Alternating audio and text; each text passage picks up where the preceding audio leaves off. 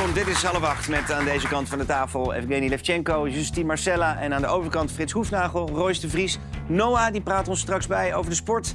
En we hebben muziek van Mo. Zijn we heel blij mee dat we weer muziek hebben. Maar allereerst eh, het vernietigende eindrapport rondom de gaswinning in Groningen. Met als kritiek: de belangen van de Groningers zijn stelselmatig genegeerd. Geld ging boven veiligheid en er was voor een lange tijd een groot gebrek aan zorg en aandacht voor het aardgasgebied en de gedupeerden. De commissie is ook snoeihard richting Mark Rutte. Ja, hij zou niet eh, genoeg gedaan hebben voor de Groningers. Frits, daar zit er maar één ding op, toch? Eh, het goed maken. Ja? Dat is eh, denk ik waar de Groningers erg veel behoefte eh, eh, aan hebben. We willen geen koppen zien rollen? Nee, dat was wel mooi. De, de eh, commissaris van de eh, Koning, René Paas, die zei van... ja, dat is een Haagse oplossing. Dan treedt er weer iemand af en dan treedt er weer Ja, iemand aan. Maar daar hebben die Groningers niks aan. Er, er moet nu eh, oplossingen eh, komen. En overigens, Rutte zelf heeft natuurlijk al in die ondervraging... bij de, eh, bij de parlementaire enquêtecommissie... moeilijk woord... gezegd dat hij er zelf ook vindt... dat hij er pas te laat achter kwam... hoe groot de problemen waren. Ja. Ehm Royce, wat zegt dit rapport jou? Pittig, Nou ja, het, pittig het, rapport? het- het is bijna een trend. Hè. We hebben natuurlijk al bij de toeslagenaffaire gezien. Nou ja, ik heb, eh, kom binnenkort een OVV-rapport ook over het onderzoek naar onder andere de veiligheid rondom mijn vader. Maar ook de familie van de kroongetuigen. En ik denk dat je overal eigenlijk wel een beetje hetzelfde beeld ziet. Dat het steeds fout gaat, maar dat de overheid niet ingrijpt. En dat inderdaad het eh, ook niet wordt goedgemaakt met die mensen. En dat er eigenlijk bijna steeds de houding is alsof de ministers het uit eigen zak bijvoorbeeld die tegemoetkoming moeten betalen. Terwijl je, nou, dit soort mensen zijn slachtoffer. Daar moet je ruimhartig naar zijn en, ben je het snel Ben oplossen. je het eens met Frits dat dezelfde mensen die er een puin op hebben gemaakt... het moeten oplossen? Of vind jij wel dat er een aantal moeten opstappen?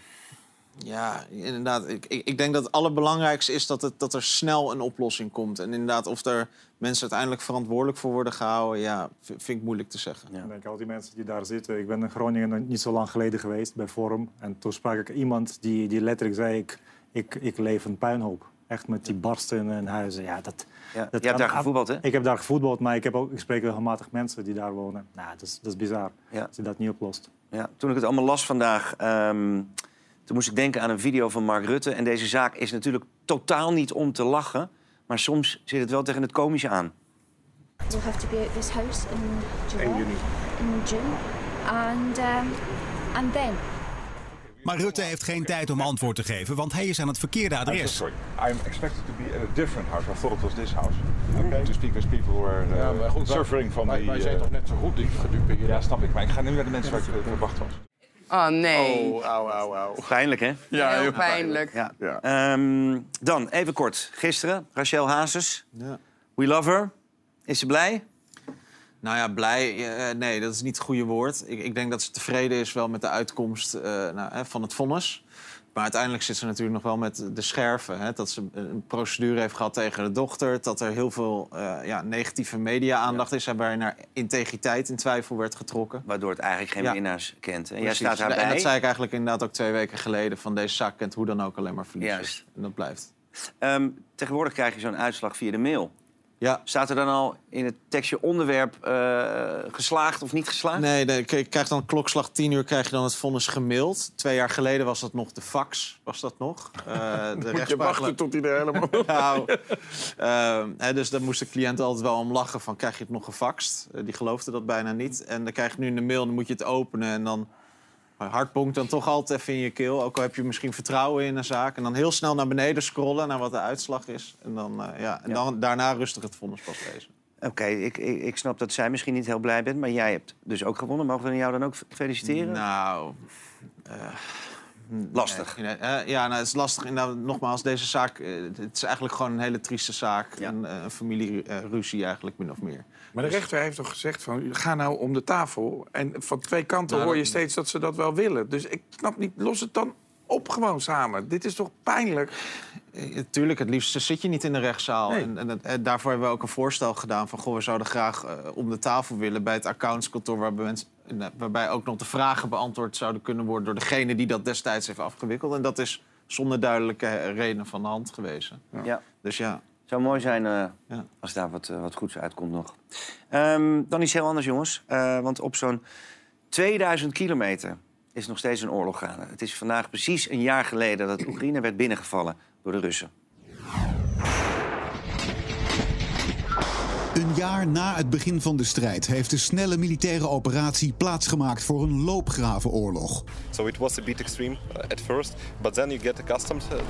De oorlog heeft het dagelijks leven van miljoenen Oekraïners ingrijpend veranderd.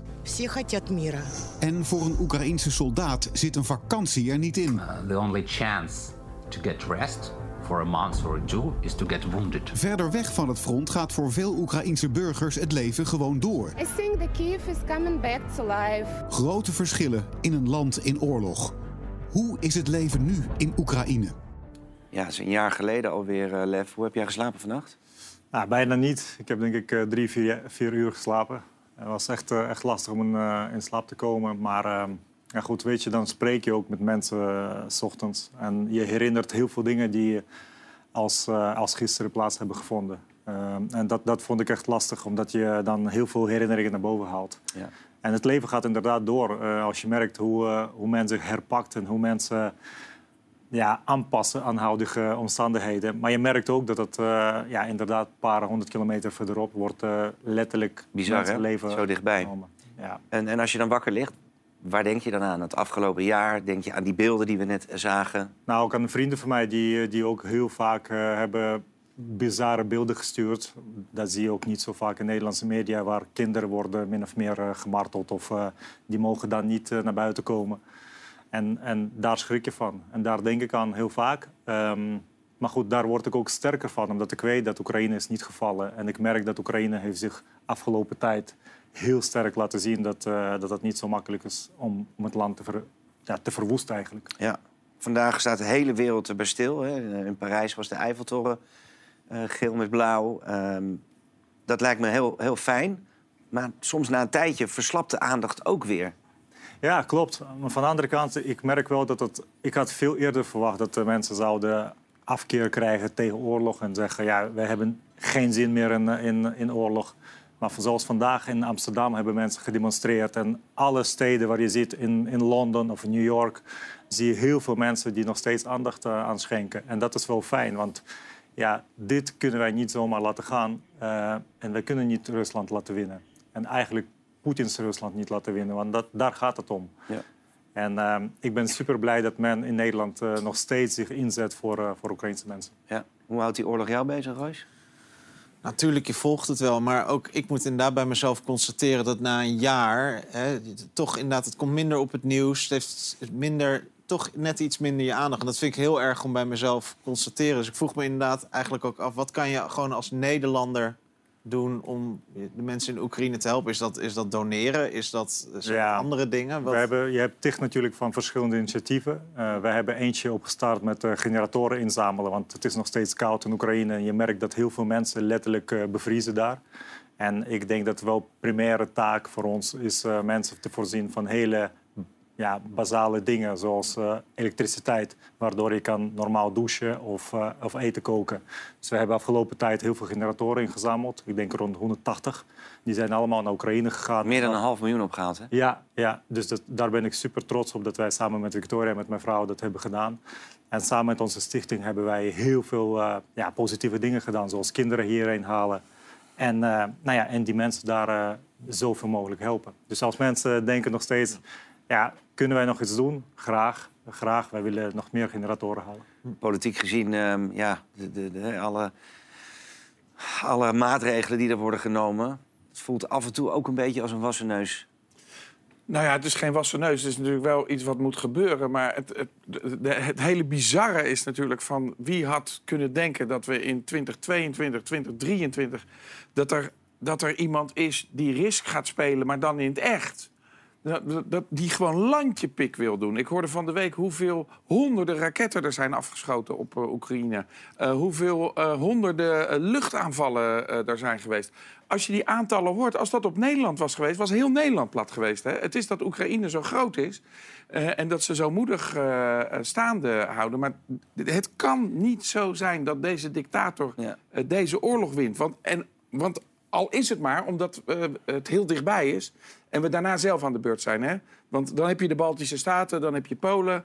Eh, een agressor moet je tegenhouden. Als we nou iets moeten leren uit de geschiedenis, is dat we dat Nou, hoe dan? moeten doen. Hoe kan je die Nou tegenhouden? ja, door het land te steunen, vooral Ja. eh, eh, militair. Maar goed, En- dan en- heeft hij eenzijdig dat nucleaire verdrag op. En dan... Ja, dat, Het nou, wordt alleen maar erger. Ja, dat is doodeng natuurlijk. En eh, dan kan je nog denken van, nou ja, zo'n vaart zal het niet lopen. Maar dat dachten we vorig jaar ook. Hij heeft dat niet opgegeven. Hij heeft natuurlijk wel stilgezet. En Ja. eigenlijk, eigenlijk betekent dat niks. Het is een hele mooie woord. En eigenlijk zijn speech was gewoon echt een, eh, een, een mooiste voorbeeld van propaganda. Ja. Hoe je Ja. mensenbrein echt daadwerkelijk Ja, vast. je echtgenoot vertelde gisteren ook dat hij Goebbels zelfs aanhaalde Absoluut. daarin. En ja. dat is wel eh, ja, ode aan, aan hun speechwriter. Ja. Hoe zij dat kunnen schrijven. Het is gewoon copy-paste van, eh, van Goebbels. Ja. Maar goed, eh, om, om in jouw termen terug te komen. Inderdaad, dat heeft wel lang geduurd totdat Nederlandse politieke eh, establishment bijgedraaid heeft. Maar ik denk dat als je ziet, en Mark Rutte en eh, Hoekstra toen zij naar Oekraïne waren, hebben ze gezegd, wij moeten helpen, want anders eh, gaan onze normen en waarden naar Ja, Rutte heeft heel duidelijk gezegd, deze oorlog is ook onze oorlog. En zo zie ik Ja. het ook. Lev, je hebt een, een zoontje van zes. Ja. Wat zeg jij tegen hem als jullie over de oorlog praten? Hoe gaat dat? Ja, het is heel lastig, want het is, ehm, hij denkt natuurlijk heel simpel. Net als jouw zoontje waarschijnlijk. Dan denkt hij waarschijnlijk van... eh, ja, maar waarom stopt, stopt oorlog? En hij letterlijk st- stelt die vraag aan mij... Papa, waarom stopt, stopt oorlog morgen niet? Kunnen wij dat niet stoppen? En ja, dan zit ik eh, bijna met tranen in mijn ogen naar hem te kijken... en ik probeer hem perspectief te geven. Ik zeg, ja, dat komt allemaal wel goed. Alleen ja, binnenin weet ik dat dat heel lang kan duren. En hij wordt gewoon boos dat hij zijn vriendjes niet in Oekraïne kan zien. En ja, daar, daar, daar heb ik zoveel pijn van. Dan breekt je hart. Absoluut, ja. Omdat ik zelf perspectief niet kan geven. Ik probeer positief te blijven, alleen... Hij, hij is nog heel jong, hè? Ehm, maar stel, hij wil straks naar het front.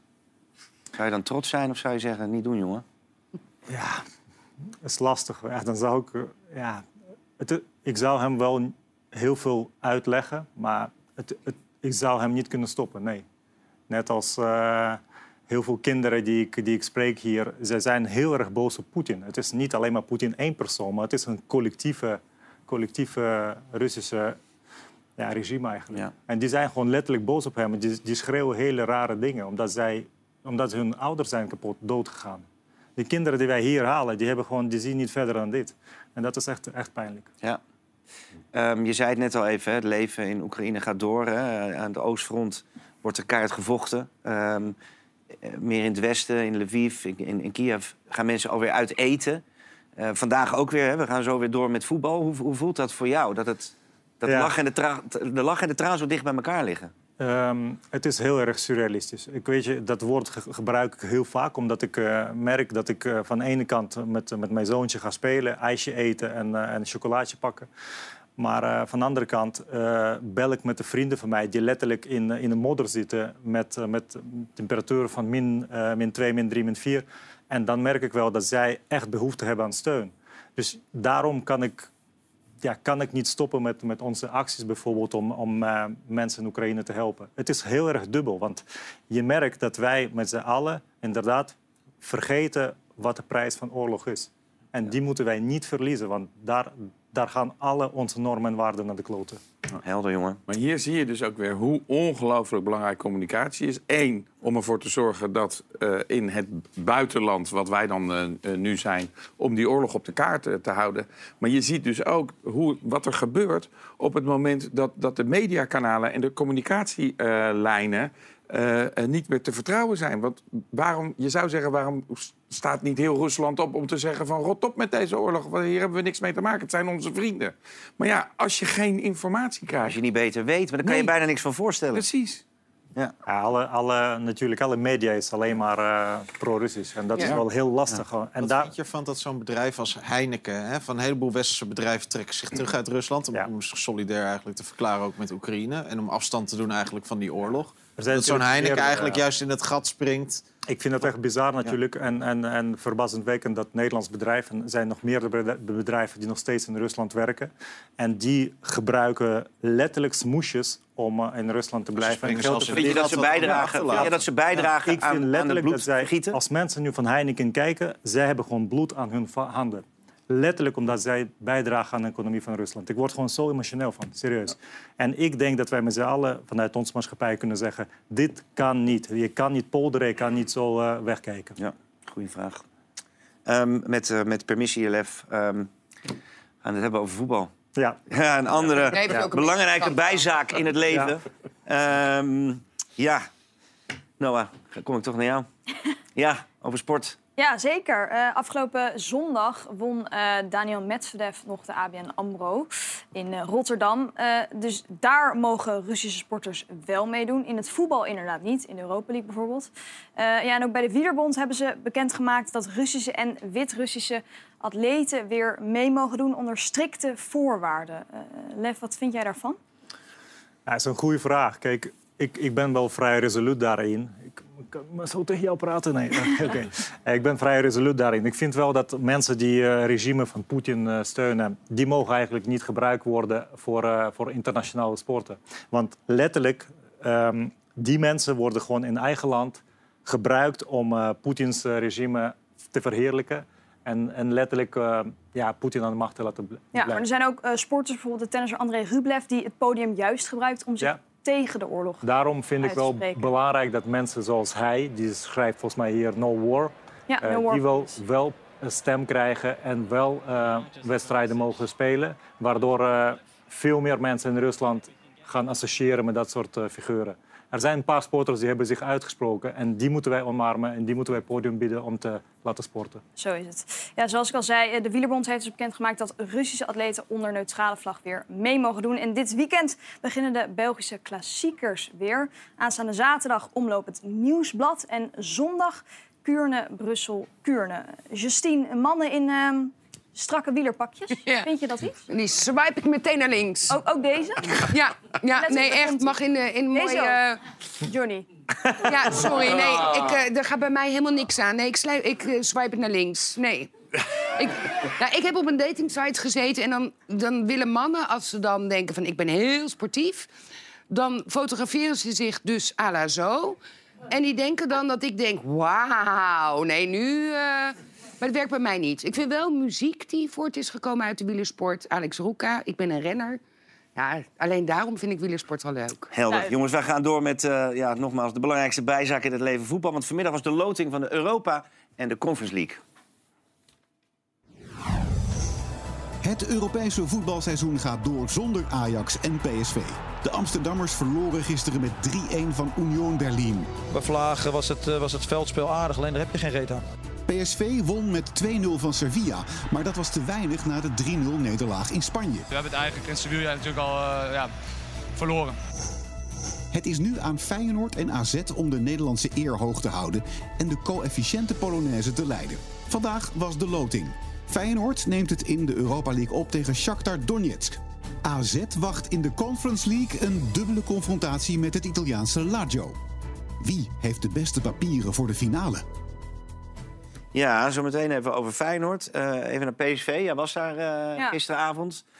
Uh, grote teleurstelling, maar ook een hoop woede. Ja, het, het, was een heel apart moment in de slotfase. PSV staat op dat moment 1-0 voor. Moeten dus eigenlijk nog twee keer scoren om door te gaan. En een supporter van PSV betreedt dan het veld en belaagt de keeper van de tegenpartij. Die was wel twee koppen groter. Dat had hij even niet ingeschat. nou, vervolgens wordt hij door allerlei stewards van het veld afgedragen. En ik stond er inderdaad naast. Wat gebeurt er dan in zo'n stadion met hem? Nou, al die PSV-fans die kwamen dus naar beneden en begonnen hem volledig uit te schelden. Ja. Want ja, je ploeg staat uh, 1-0 voor, maar moet er nog twee maken. Dus dit is niet het moment om dit soort uh, frats uit te ja. Wat, wat een mafkees. Echt, het is, het is zo krankzinnig. Ik, weet je, ik, altijd haal ik zo'n voorbeeld van Engeland... waar zij hebben dat veel harder aangepakt met de wetten, met voetbalwetten, waardoor het, dat soort persoon nooit meer eigenlijk in het voetbalstadion mag komen. In Engeland zou deze nooit meer een stadion inkomen. En ook uitgekost door een eigen... denken aan die wedstrijd Ajax-AZ, toen die... Uh, Esteban? Die, Esteban werd ja. toen aangevallen, geloof ik, door een Ajax-supporter. Ja.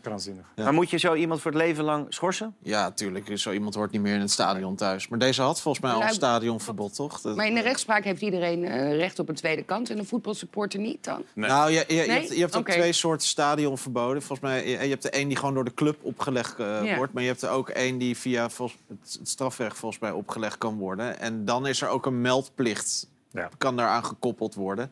En volgens mij kan dat niet levenslang zijn. Maar ik zal als club gewoon zeggen... joh, deze supporter willen we niet binnen hebben. Maar ja, hoe is dat te handhaven? Dat is natuurlijk heel moeilijk. moet natuurlijk want- wel samenwerking hebben met politie en met Ja. alle andere stakeholders. Maar in Engeland doen ze dat... eh, doen ze wel. En in Nederland moet het wel ook, denk ik hoor. Hey, voor Feyenoord een opvallende loting, want die spelen tegen, tegen Shakhtar. Leuk hoor. Daar heb jij gespeeld in de jeugd. Ja. Wat, wat dacht jij toen je de, de loting zag? Eh, ik dacht dat Shakhtar heel moeilijk krijgt. Ik vind dat Feyenoord op dit moment heel goed draait. En eh Shakhtar, opvallend genoeg, heeft maar één ehm, speler die eh, uit het buitenland komt nu. Eh, dat is eh Traoré. Die ken je waarschijnlijk ook, bij Ajax gespeeld. En Shakhtar heeft een koers genomen om veel meer Oekraïnse spelers in te zetten. Jonge jongens. Hele jonge jongens, weinig ervaring. Eh Moedrik is naar Chelsea gegaan. Een hele, hele, voor 100 miljoen volgens mij. Voor de rest heb je heel weinig spelers van topniveau. Zij moeten het van, van collectief hebben en van saamhorigheid. Maar ik vind wel dat Feyenoord toch iets meer, ehm, ja, iets meer ehm, klasse heeft. Ja. Eh, AZ speelt tegen eh, Lazio. Kan je ons eh, wat over vertellen? Nou, dat is niet de makkelijkste loting voor AZ. Nummer 5 van de Serie A. Natuurlijk topscorer Ciro Immobile. En deze club wordt natuurlijk altijd in verband gebracht met Mussolini. Hij was namelijk erelid van deze club. En opvallend detail is ook wel dat zijn achterkleinzoon nu als rechtsback uitkomt voor deze ploeg. Heeft nog geen minuten gemaakt. Hele extreme... Heeft hij dezelfde naam ook? Een extreem rechtsback, dat zeg je mooi. Heeft hij dezelfde achternaam ook? Of dan? Eh, hij gebruikt zijn achternaam niet op zijn shirt. Nee. Het Floriani Mussolini, maar hij gebruikt Romano Floriani. Het is voor veel Italianen nog steeds een held, hè, Mussolini. Fascisme ligt daar een beetje anders mij- dan bij ons. Lazio staat ook wel volgens mij bekend om de extreemrechtse aanhang. Ja, absoluut. Die Carnio moet ik meteen eh, Ja. aan denken. Ja. Ik zal niet eh, de armbeweging Nee. maken die hij maakte, maar dan weet je denk ik wel wat ik bedoel. Ehm, fietsen nog? Fietsen nog. Nou, wat wel eh, opvallend is, is dat de Belgische rondes nu iets heel goeds doen. En ik noem het bijzonder, maar het is gewoon zoals het hoort. Namelijk dat de het prijzengeld voor de vrouwen nu even hoog ligt als dat bij de mannen. Eh, de winnaar van de vrouwenronde krijgt nu 16.000 euro, net zoveel als de mannen. Nou, daar gaat het aantal belastingen natuurlijk van af, maar dat is wel ietsje meer dan vorig jaar. Want toen won Annemiek van Vleuten 930 euro. Schandalig. Ja, en bij de vrouwen kan het sowieso heel spannend worden. Want de afgelopen vier jaar kennen ze Nederlandse winnaressen. En ook dit jaar maken wij weer kans met Demi Vollering en Lorena Wiebes. Ja, en bij de mannen hopen we natuurlijk dat dit weekend op zondag Fabio Jacobsen gaat winnen. Juist, heerlijk. Dankjewel, eh Noah. Van de sport maken wij een eh, sprong naar het Eurovisie Songfestival. Frits, volgens mij gaat jouw hart eh, maakt ook een sprongetje. Meteen. Eh, in één woord, het Songfestival? Ehm, het allergrootste muziekevenement ter wereld. Poppenkast. Een poppenkast, hoor ik hier. Eh, afgelopen jaar was een ehm bijzonder eh, Eurovisie Songfestival- met Oekraïne als overtuigende winnaar. Ehm, maar hoe gaat de komende editie eruit zien? Op 13 mei is de finale van het Eurovisie Songfestival in Liverpool. Vier hosts, onder wie Graham Norton en de Oekraïense zangeres Julia Sanina, presenteren het evenement. Vorig jaar in Turijn won het Oekraïense Kalush Orchestra. Vanwege de oorlog nemen de Britten de organisatie van het evenement voor hun rekening. Van het logo spat overduidelijk de link naar Oekraïne. Oekraïne wordt dit jaar vertegenwoordigd door de elektronische groep Tworsje. Het duo Mia Nicolai en Dion Cooper vertegenwoordigen Nederland. Op woensdag 1 maart wordt bekend met welk nummer ze in Liverpool aantreden. Het Eurovisie Songfestival staat naast competitie ook vooral voor verbinding. Zeker dit jaar. Wordt dit het meest politiek beladen songfestival ooit? Ja, komende editie dus in Engeland, terwijl Oekraïne vorig jaar heeft gewonnen. Ehm, waarom dan niet in, in Polen, iets dichterbij bijvoorbeeld? Ehm, nou, ten eerste, Engeland werd tweede. En ehm, het is altijd maar de vraag wie wil het dan organiseren. En ik heb het nog even voor je opgezocht. In de laatste drie keer dat het winnende land het niet heeft georganiseerd... had twee keer de BBC eh, is eh, ingesprongen. De eerste keer was eh, in 1972, omdat in 1971 won Monaco. Ja, die hadden geen locatie waar ze dat konden organiseren. Dus ging het naar Edinburgh. Edinburgh, moet ik volgens mij zeggen. Eh, daar won Vicky Leandros, misschien weet je nog wel. Ja. Après toi. Dat, eh, dus dat was een hele mooie eh, editie. Het jaar daarna was het dus in Luxemburg omdat zij won voor Luxemburg. En toen won Luxemburg nog een keer. Dus dat werd een beetje duur voor zo'n klein land. Dus werd het weer door de BBC georganiseerd in 1974. Dat werd natuurlijk een historisch Eurovisie Songfestival. Want wie won daar? Abba. Abba. Abba! Nee. Tuurlijk, met Waterloo. Overigens, ehm, Eh, het was in Brighton, maar ABBA kreeg van Engeland nul punten. Dan Kijk. zijn ze, ze nog steeds een shame of life. Ehm, en de eh, laatste keer dat het niet in het land was dat het had gewonnen... heeft Nederland ingesprongen. Want Israël die had eh, gewonnen in 1978 met Abani Bio Baby. En eh, eh, dus daarom ging het naar eh, eh, Jeruzalem.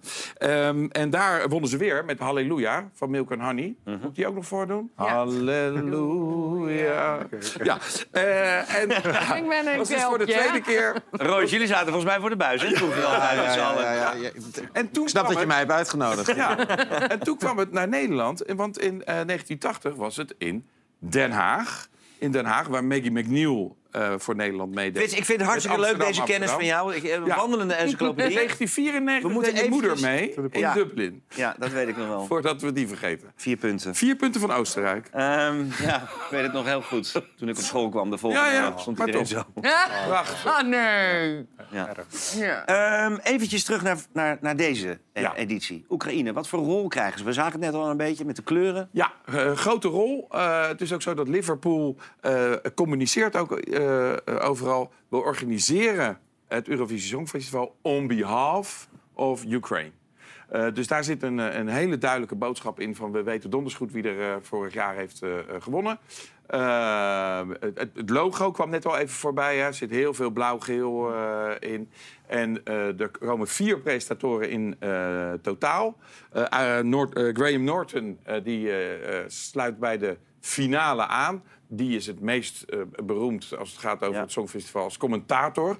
Die, comment- de- de- die positie wilde hij ook behouden. Heb jij Dus hij- gekeken vorig jaar, Lev? Ik heb niet gekeken. Ik heb wel Kalush wel gehoord, maar het is, eh, ja... Ik, ik, ik ben niet zo'n fan van het Eurovisie Songfestival. Maar het is Geeft wel... helemaal niks, ik ben Nee, geen fan van voetbal. Oké, heel goed. Dus, eh, eh, dus daar zie je het in. En eh, de presentatrice, een van de drie presentatrices, komt uit Oekraïne. Misschien ken jij eh, haar? Ik ken haar niet, maar ik weet dat zij van Hardkies komt. Ja. En eh, zij, volgens mij treedt ze op binnenkort in, in Nederland. Ik heb al zien ergens voorbij komen in Paard in, eh, in Den Haag. Dus dat is ook leuk om naartoe te gaan. Kijk, Jani, eh, eh, Jelena. hoe gezegd, Julia eh, Sanina. Sanina. Zeg ik het goed? Ja. Ja. En ehm, zij is een, be- een bekend eh, zangeres. En ze is onder andere ook bekend omdat ze in de ehm, jury zit van de X-Factor eh Oekraïne. Want die gasten van vorig jaar, ja, waren er ook gewoon een aantal stonden aan het front. Kalusha Die- Ja, ze, ja. Hebben, ze hebben nu al een... volgens mij eh, zijn ze nu in Amerika om een beetje zo'n eh, geld in te zamelen voor Oekraïne. Maar eh, het is wel een hele... Ze hebben een hele sterke eh, uitstraling. En als ze langs eh, mensen op, bij de front komen, dan, eh, dan merk je wel hoe wordt daarop gereageerd. Goeie impact het, heeft. Het is, het is een enorm impact hebben Ja. ze in Oekraïne. Nou Dit ik jaar had de het er net- uitzending? ik had het er net al even ook over communicatie. De reden waarom ze deels vrij zijn gesteld van het vechten eh, aan het front... is omdat zij natuurlijk ontzettend veel publiciteit teweeg brengen. En er ook weer voor zorgen dat die oorlog niet uit ons hoofd eh, gaat. Ja. en dat er geld moet worden ingezameld. Dus dat is heel verstandig dat Zelensky dat doet. Nog twee dingetjes. De ehm, inzending van Oekraïne dit jaar. Eh, ja, ze, de- eh, de- ze waren de allereerste die het eh bekendmaken. Hard of eh, Steel. Ehm, ja, dat eh onmiskenbaar. Kijk, officieel mag er geen politiek eh, worden bedreven tijdens het Eurovisie Songfestival. Maar Nou ja. daar kom je natuurlijk niet onderuit. En dat zagen we vorig jaar natuurlijk ook. Want Kalusha Orchestra was echt wel een leuk eh, nummer. Maar of het het allerbeste nummer is, kan je afvragen. De jury had eigenlijk Engeland op één gezet. En toen kwam het publiek en dat had massaal op Oekraïne gestemd. Dat was natuurlijk ook Dus het wordt weer politiek beladen. Natuurlijk wordt het dat. Dat kan niet anders. Ja. Ja. Eh, tot slot, Nederland. Woensdag komt het liedje volgens mij eh, uit. Ja, Mia, eh Nicolai en eh, Dion eh, Cooper. Woensdag 1 eh, november wordt het eh, bekendgemaakt eh, in eh, Rotterdam. Eh, kwart voor zeven eh, komt het volgens mij op NPO 1 bij de Afrotros. Want die gaan dat eh, natuurlijk eh, bekendmaken. En jij zit voor de buis en jij, Royce, Reken waarschijnlijk niet. Maar en Ze Lef gaat, en Lef gaat trainen. vind ik. Ja,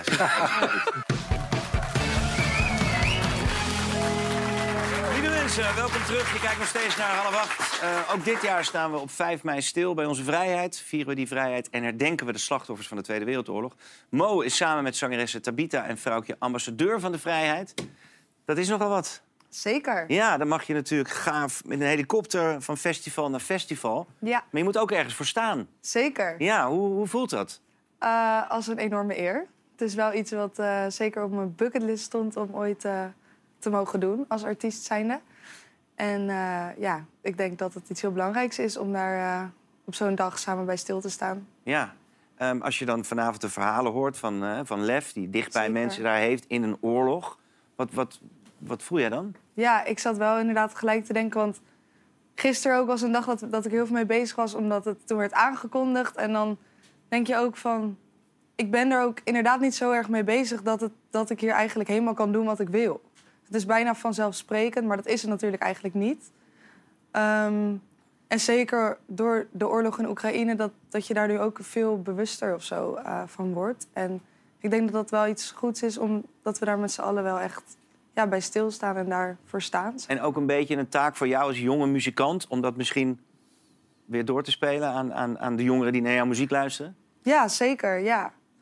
Ja, ik hoop het. Ik, ja, Ja. Jij gaat straks voor ons spelen? zeker. Heel fijn. Eh, ja, dat hele vrijheid, het is niet zo vanzelfsprekend. Hoe zou jij dat willen omschrijven, Royce? Eh, vrijheid. Eh, ja, je hebt meerdere vrijheden. Hè. Je hebt inderdaad met, met oorlog, eh, hè, van dat je niet in oorlog leeft en dat je, dat je veilig bent. Maar je hebt ook vrijheid in de zin van dat je kan zeggen eh, wat je wil of dat je kan, zi- kan zijn wie je wil zijn. Frits, jij zit te knikken. Hè, dat je- Ja, ja, vrijheid, dat is, dat is mogen zijn wie je bent en mogen houden van wie je wil. Dat is ook belangrijk. Ja. ja. Ik vind dat we niet, bij vrijheid niet alleen moeten vanuit ik moeten denken... maar ook bedenken wat betekent mijn vrijheid voor jou? En waarin zit jouw vrijheid? Dat we iets meer met elkaar ook rekening moeten houden. Dat denk ik dat dat heel fijn is. Ja. Weet je, ik vind, ik vind ook heel mooi dat jullie, dat jullie dat vertellen. Want eigenlijk in Nederland hebben wij, vinden wij dat heel vanzelfsprekend. Want over vrijheid, we hebben nooit gevochten voor onze vrijheid. En eigenlijk, ehm, als je ziet hoe wat het voor mij natuurlijk ook in Oekraïne wat er gebeurt, mensen letterlijk gaan dood voor vrijheid, omdat, omdat ze weten dat het, het- hun kinderen gaan in vrijheid leven en ze willen dat heel graag. Dus koester die vrijheid en omhels dat en knuffel. Ik, weet niet, het is, zo veel, eh, het is zo mooi dat je dat hebt en dat je dat kan omarmen letterlijk en figuurlijk. Ja. Ja, en erbij stilstaan. Ja. En, eh, jij gaat straks liedje spelen, het heet Helen. Ja. Nou, dat sluit daar mooi eh, bij aan. Ehm, als ik hier aan tafel zeg, Prins Bernhard, in één woord. Boef. Uh, neushoorn. Ik zou bijna willen zeggen vrijheid, maar dat is in zijn optie. Nee, ik zou een ritselaar. Ritselaar. Ja. Ik zeg stout. Stout. Ja. Ja. Eh, ja, je zou hem bijna zijn vergeten. Maar al deze woorden zijn eigenlijk wel een goede samenvatting van de omstreden prins. En laat daar nou net een docu over zijn gemaakt. Bernard was een prins die hield van het goede leven. Hij hield van mooie dingen, mooie kleren, mooie vrouwen, mooie auto's. Dankzij zijn huwelijk met Juliana kreeg hij precies wat hij wilde. Hij wilde een, een rijke vrouw. En die Oranjes hebben de naam de rijkste ter wereld te zijn. Hij is echt omhoog getrouwd. Maar met de huwelijkse trouw nam de prins gemaal het niet zo nauw. Bernhard was altijd op pad. En op die reizen kon hij verdoezelen dat hij bij andere vrouwen was. Voor Bernard was het nooit genoeg. Zo nam hij 1,1 miljoen dollar aan steekpenningen aan van vliegtuigbouwer Lockheed. Onze prins die zoiets deed, het was absoluut ondenkbaar. Hij komt er vanaf met een milde straf. Bernhard moet zijn functies in het bedrijfsleven en de krijgsmacht neerleggen en hij verschijnt niet meer in uniform. Staat het koninklijk huis boven de wet? Ja, ehm, jij hebt de docu gezien. Ik heb hem vanochtend ook even gekeken. Ik zei tegen jou, ik heb deel 1 gezien en een stukje deel 2 te zijn. Maar deel 3 is het beste. Maar ik vond deel 1 al best wel wat. Ik heb af en toe even met mijn oren staan klapperen. Ehm, nou, dat snap ik. Eh, Ik heb best wel een studie gemaakt van mijn oud-buurman, want dat was die. Ehm, ik vond niet dat er echt per se heel groot nieuws in zat. Maar ik vind wel dat het een hele goede schets geeft van deze prins. Maar ook vooral, om het beter te begrijpen, de tijd waarin deze prins leeft. Maar heel eventjes op een rijtje, want hij zei dat hij van goede kom af was. Dat was hij eigenlijk helemaal Nou, niet. het was ook niet hele slechte komaf, maar het was niet... Onderkant van de adel. Het is een beetje een golddigger, om het oneerbiedig te zeggen. Hij Niet wat is... hij deed voorkomen in ieder geval. Nee, ja, ja, het was, hij, had natuurlijk, hij, is opgegroeid in, de, in, in eh, Rekkenwald, op Rekkenwald. Dat is, als je het ziet, is niets.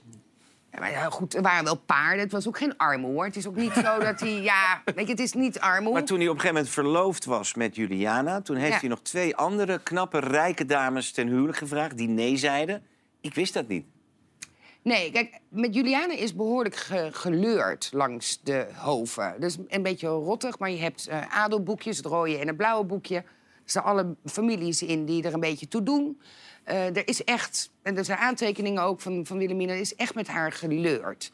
En niemand wilde daar. Ze was niet helemaal, eh, lag nog niet zo goed in de markt. Want Ik dat zijn allemaal huwelijken die worden en gesloten. vroeger was worden- gearrangeerd heel normaal, hè? En eh, ik denk dat ze wel uiteindelijk... Kijk, prins Bernard, wat je ook van hem vindt... maar het was een hele knappe man. Eh, James Bond heeft veel...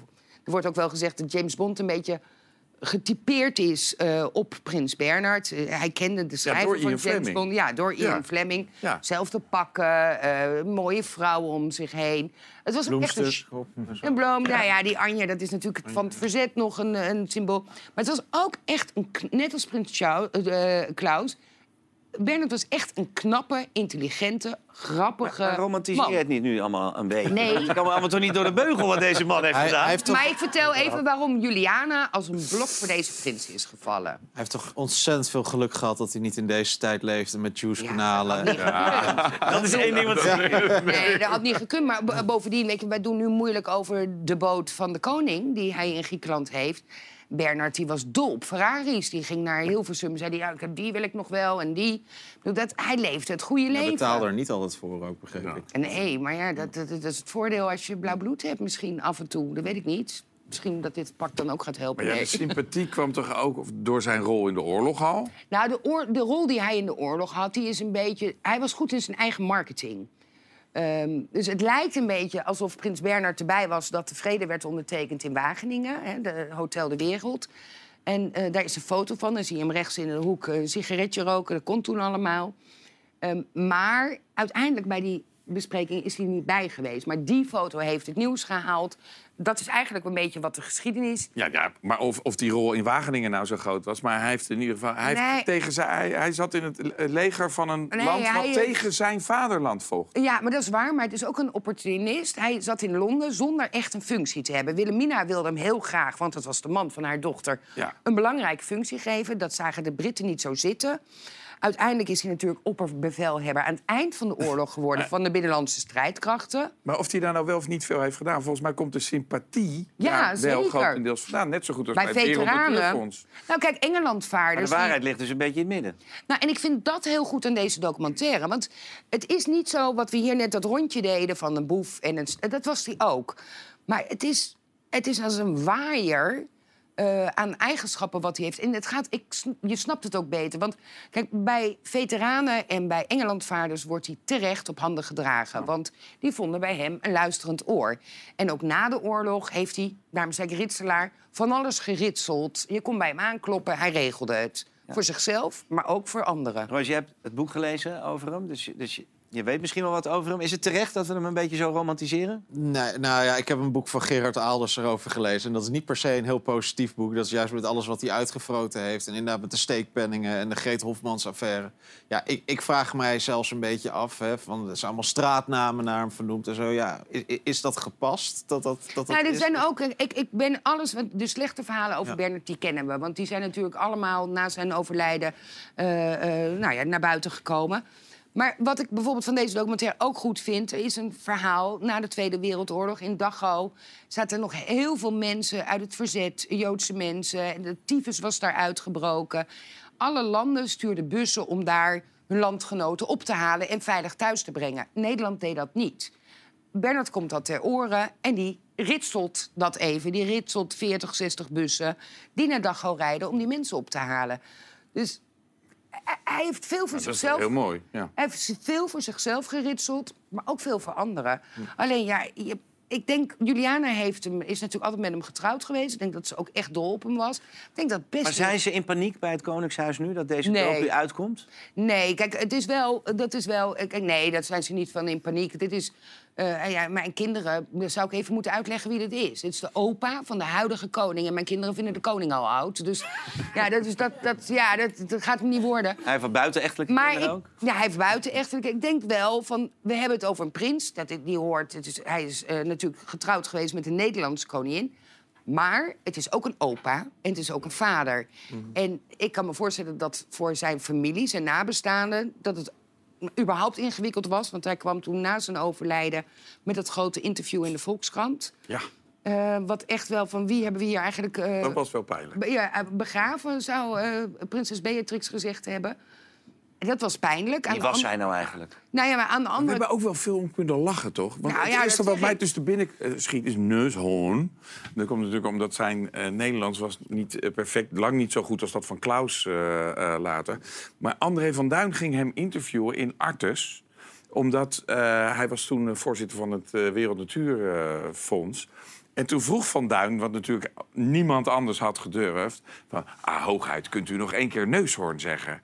En toen zei Bernard, neushoorn. Nou, dat staat echt, dat staat me nog zo helder voor Ja. de geest. Dat vind ik echt fantastisch. Eh, in Europa, nou, hij is niet de enige die er een eh, losse leven op na heeft gehouden. Maar laten we even terug naar de kernvraag. Staat het Koningshuis boven de wet?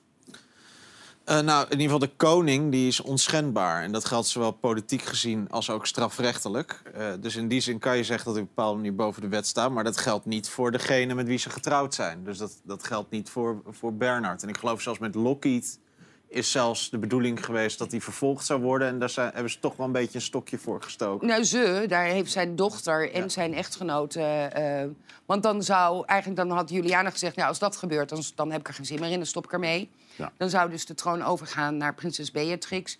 En die zei, maar daar ga ik dan ook niet aan Die beginnen. liet Dus- aan Den Uil weten, dat ga ik dus Ah, niet dus hij is gered door twee vrouwen. Maar we moeten hem wel gaan kijken, toch, deze docu? Eh, Alleen al vanwege de oude beelden die je ziet. Ja. Dat je denkt, Het is heel rijk. niet meer voorstelbaar voor nu. Ja. Ja. Oké, kijken dus. Goed, ehm, wij gaan luisteren naar muziek. Het is tijd voor muziek. Met Vadim op de gitaar is hier Mo met het lied Helen.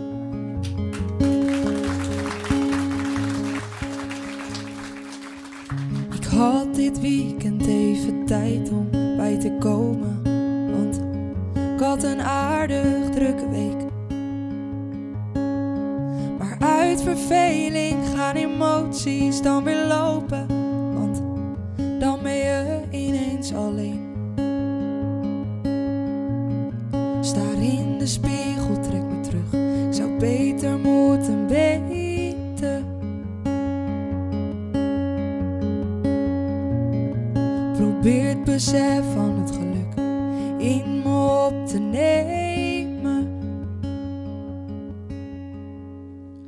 ik weet